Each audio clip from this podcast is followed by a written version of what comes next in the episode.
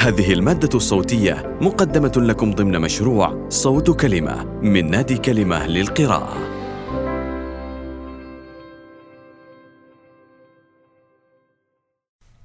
نزار قباني يتحدث من كتاب الدوحة رقم 57 بعنوان ظل الذاكرة حوارات ونصوص من أرشيف مجلة الدوحة للكاتب نزار قباني. تدقيق لغوي وتعليق صوتي لمياء الشكري. هندسة صوتية عمار الهديفي. الشعر هو الغاية هو الشوط الأخير الذي نصل إليه. وإنني حين أتأمل قاعدتي الجماهيرية في العالم العربي أشعر أني نجحت إلى حد ما في أن أوصل صوت الحقيقة إلى الناس كل الناس. وظيفة الشاعر هي أن يغير نظام الأشياء حوله. وظيفته هو أن يكون قنبلة موقوتة توضع تحت سرير أهل الكهف وتحت أسرة المتخلفين والانكشارية. نحن ولدنا لنجد عالما عربيا من حولنا كل قوانينه جاهزة وكل أفكاره حجرية.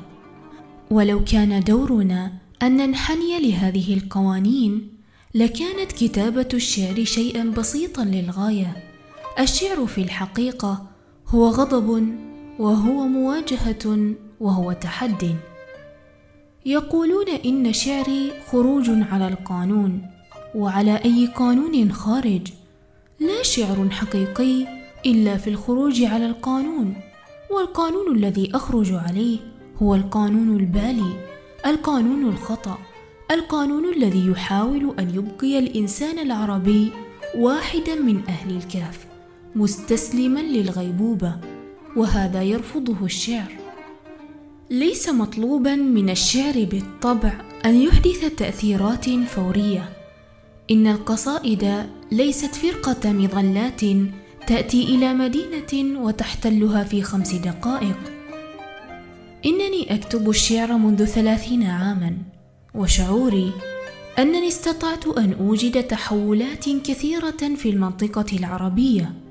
ومن الطبيعي أن تكون هناك مقاومة كبيرة لشعري لأننا موجودون في منطقة لها قوانينها الجاهزة ولها طقوسها واحتفالاتها. وحين نحاول أن نغير شيئا من المفهوم العام أو أن نخرج على النظام فراسا نواجه أهل الكهف. أولئك الذين لا يريدون للحياة العربية أن تتطور. لذلك فالشعر من وجهة نظري صراع وتحد. أنا لا أناقش في الحقيقة هل أنا وصلت أو لم أصل لكني فقط أدرك أن لا شيء يضيع في هذه الدنيا. يعني كل كلمة مكتوبة لا بد أن تصل ولا بد أن تشعل حرائق ولا بد أن تغير التركيب الأساس للإنسان العربي. جدوى الشعر الآن أنه يحرق كل الأوثان وجدواه أنه يقتلع الخرافات من جذورها. وجدواه أنه يفضح التمثيلية الزائفة ويفضح الممثلين. ربما يكون هذا رايا خطيرا أو ربما يكون رايا متطرفا. ولكني أعتقد أن الشعر ينبغي أن يكون كذلك. لا شعر بدون التغيير للنظام العام لأن عالمنا العربي الآن عالم متقاتل متنافر متذابح. ووظيفة الشعر هي الكشف عن هذا الخطأ الحاصل الكشف عن عقلية ملوك الطوائف وفكرهم وسلوكهم. لذلك أنا مستمر في القتال وأرجو من بقية الشعراء زملائي أن يستمروا في القتال لأنه لا بد للكلمة من أن تربح في نهاية الشوط. هناك شاعر يقول الحقيقة وهناك غيره يلتف حولها أو يهرب منها. وأنا أعتقد أن الشعب العربي هو من أرقى الشعوب استماعا للشعر. هذا ميراثنا وهذا في دمنا لأنه لا يمكن للإنسان العربي أن يهرب من الشعر كما لا يستطيع أن يهرب من لون جلده. إن الشعب العربي حين يتقدم الشاعر إليه بقصيدة تستوعبه أو تستقطب همومه فإنه وبصورة تلقائية يتمسك بالقصيدة وبصاحب القصيدة. إنني أعتقد أن سر القاعدة الجماهيرية الكبيرة التي كونتها في العالم العربي هو أني لم أزيف نفسي في يوم من الأيام ولا أحاول أن أخدع الشعب العربي.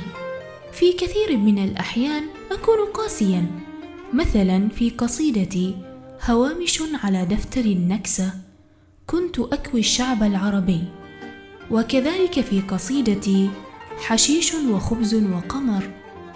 لكن هذا الكي ناشئ عن الحب والحبيب الموجوع لا يعالج بالأمنيات والادايات فقط وإنما يفعل شيء لينقذه ولو كان ذلك عن طريق الكي. وقديما كانوا يقولون إن الكي هو آخر الدواء.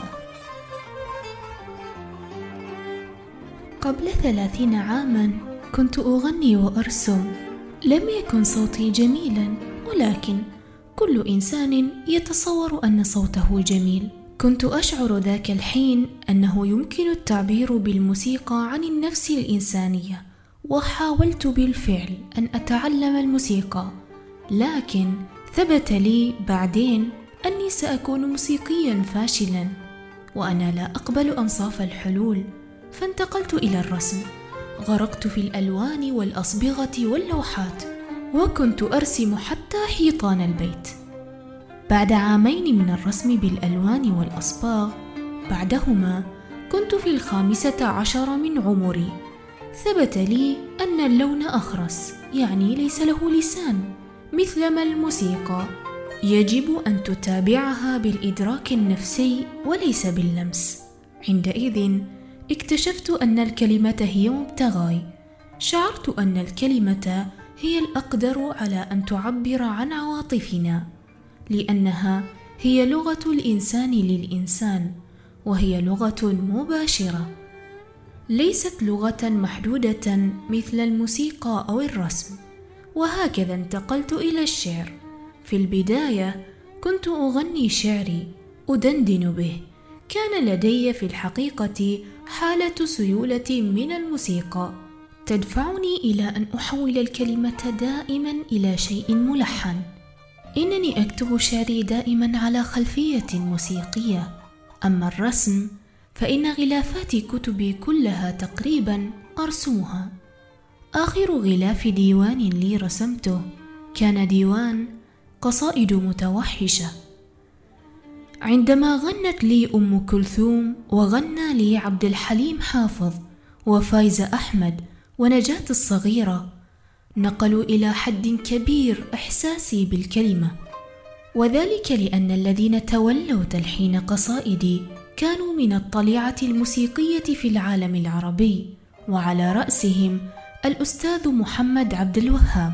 الأستاذ عبد الوهاب قارئ شعر من الطراز الأول وربما صحبته لأمير الشعراء أحمد شوقي أعطته هذه الخميرة وهذا الاستعداد.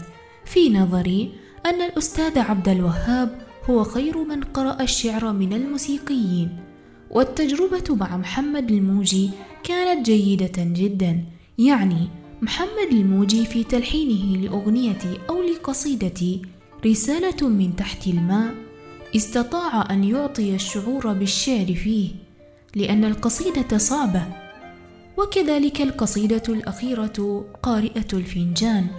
اللحن متطور جدا وغريب جدا وجديد جدا وأنا أعتقد أن محمد الموجي وعبد الحليم حافظ في هذه القصيدة اشتغلوا كثيرا جدا.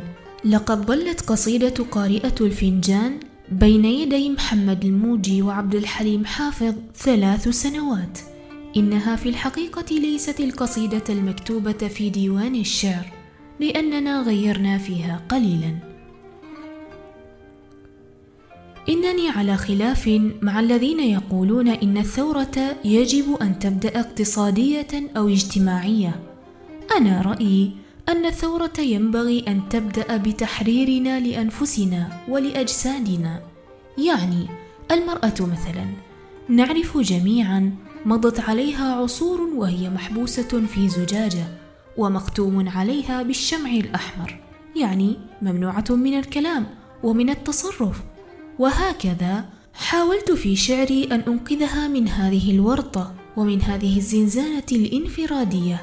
فأنا أعتقد أن المرأة مخلوق يعادلنا ذهنا وعقلا وأحاسيسا وشعورا وأن المجتمع العربي لا يمكن أن ينهض ولا يمكن أن يتحرر إلا إذا تحررت المرأة فيه. وإنني أعتقد أن المرأة ليست هذا اللغز الكبير. الذي لا يستطيع أحد كشفه. إنها موجودة في حياتنا اليومية في صورة الأم والشقيقة والأخت والحبيبة. وإنني بكل فخر أقول إنني استطعت أن أتولى ترجمة عواطفها وترجمة ما تريد أن تقول. هناك كاتبات في الوطن العربي استطعن التعبير نوعا ما عما يختلج في ذات المرأة. لكن أنا أعتقد أنه لا زال المجتمع العربي في حاجة إلى مزيد من الكاتبات ليعبرن عن هذا العالم الكبير والضروري التعبير عنه وهو عالم المرأة. وإلى أن تأتي هذه الكاتبة الكبيرة العربية التي تستطيع أن تطرح أوراقها بقوة وشجاعة على المائدة فإنني أتولى الدفاع حتى الآن عن المرأة. ومع ذلك فأنا أرفض التحديد بأنني شاعر المرأة فقط وإنما شاعر الإنسان كله. لست الشاعر الوحيد في عائلة قباني إنني فقط شاعر الذكور منهم.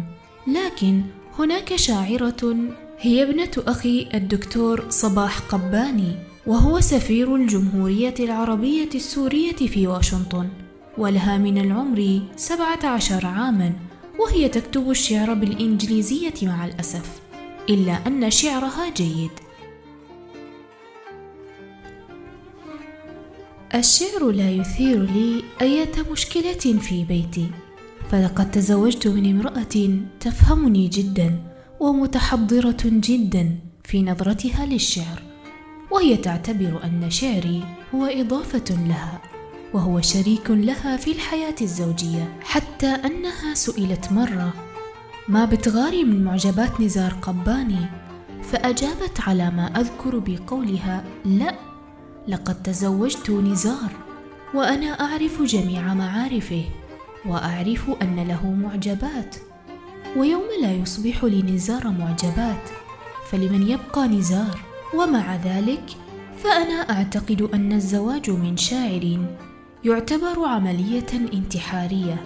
يعني أعتقد أن المرأة التي ترضى أن تتزوج من شاعر أو من فنان بصورة خاصة فإن عليها أن تضع نصب عينيها أنها تتزوج من البرق أو الريح أو العاصفة أو الزلزال.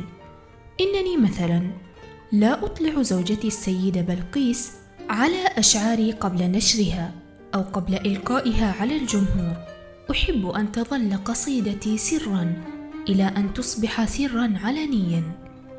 كل مدينة كان لها مذاق في حياتي وكل مدينة كانت أشبه بكتاب أقرأه. قرأت لندن وأسبانيا والأندلس والصين وكل مدينة من هذه المدن أعطتني شيئا. ومن مجموع هذه القراءات في وجوه المدن تكون شعري يعني أنا في لندن كتبت شعرا له صبغة وفي مدريد كتبت شعرا له صبغة وفي دمشق وفي بيروت. يعني حين أستعرض كتبي أجد جغرافية العالم كلها فيها. مشكلة الشعر العربي أو مشكلة اللغة العربية هي مشكلة الإزدواجية ويبدو أن الإزدواجية تلاحقنا تحديا ولغويا. يعني نحن نتمنى أن نصل إلى لغة واحدة والتي أسميتها اللغة الثالثة. نحن ممزقون بين لغتين. الطفل في البيت وفي الشارع يتكلم لغة وفي المدرسة يتكلم لغة ونحن كذلك. في المقهى نتكلم لغة وفي الجامعة نتكلم لغة وحين نقف في مكان ما كخطباء نتكلم لغة أخرى. إنني أعتقد أننا حين نصل إلى اللغة الثالثة فسيكون عندنا شعر جيد وسوف تزول غربتنا وسوف ينكسر هذا الجدار السميك القائم بين اللغتين. واللغة الثالثة التي أقصدها هي اللغة التي نستطيع بها أن ننقل الممارسة اليومية وأشياءنا اليومية وبالتالي تعكس حياتنا. إنني كشاعر ما غيرت نفسي ابدا فإن حقيقتي الأولى مثلا هي أن أكتب عن المرأة وأحررها ثم بدأ حجم المرأة يكبر بالنسبة لي حتى صارت بحجم الوطن كله. يعني أنا الآن لا أقيم فواصل ابدا بين شعري القديم وشعري الذي كتبت بعد سبعة وستين. بمعنى أن الشاعر ينبغي أن يبقى دائما مستعدا كذئب الغابه لا يستسلم للطمأنينة. وعلى استعداد لأن يشعل الكبريت ويضيء من حوله. ويمكن هذا هو السبب الذي جعلني كشاعر أستمر على المسرح الشعري ثلاثين سنة. لأنني شخصيا لا أقف في مكان واحد. أنا مثل الموجة آخذ كل يوم حجما وبعدا. والشاعر الذي يتحول إلى شجرة مزروعة في التراث يموت متخشبا. إن الوطن العربي بالرغم من كونه وطن الشعر إلا أنه لا يتسامح مع الشعر. يعني نحن في عالم عربي مفروض أن يكون عالما واحدا يستطيع الإنسان أن يتنقل فيه من مكان إلى مكان آخر ومن مدينة إلى مدينة. وتستطيع الكلمة أن تذهب إلى حيث تريد. ولكن مع الأسف فإن الواقع العربي يختلف تماما عن هذا الحلم الذي نتحدث عنه. وقد كتبت في هذا قصيدة بعنوان الحاكم والعصفور الذين يقولون إن نزار قباني استطاع أن ينتقل من شاعر الدانتيل المرفه إلى شاعر السكين المرهف لا يدركون حركة التطور التاريخية ولا حركة تطور الإنسان. ليس هناك شاعر ينبت من العدم. لنا ثقافة ولنا بيئة ولنا وراثة. هناك ملايين العوامل التي تلعب دورا في تكوين الشعر. وأنا نتيجة تراكمات ماضية. ودائما أعتقد أن قصيدتي ليست من كتابتي وحدي وإنما اشتركت في كتابتها كل العصور. يعني أنا قرأت قراءات كثيرة وبلغات متعددة ومن ثم كونت أرضية ثقافية لنفسي ولكن حينما أجلس للكتابة أفضل أن أكون بلا ذاكرة. أفضل أن أنسى كل ما قرأت أنسى المتنبي وأبو تمام وابن الرومي والشريف الرضي وعمر بن أبي ربيعة وشكسبير واللورد بايرون ولوركا وكل شعراء العالم وأن أبدأ صوتي يعني أبدأ من جديد وأن أغني بصوتي الخاص. وأخيرا عندما أصعد إلى خشبة المسرح لألقي شعري أحس بنوع من الكبرياء والغرور لأن اناسا كثيرين يستمعون إلى شعري. لكن من أنا؟ وإلى أين أصل؟ وأين أضع نفسي؟ هو انني شاعر استطاع أن يلتحم مع أعصاب الأمة العربية ومع شريانها ودمها ونبضها وما أزال.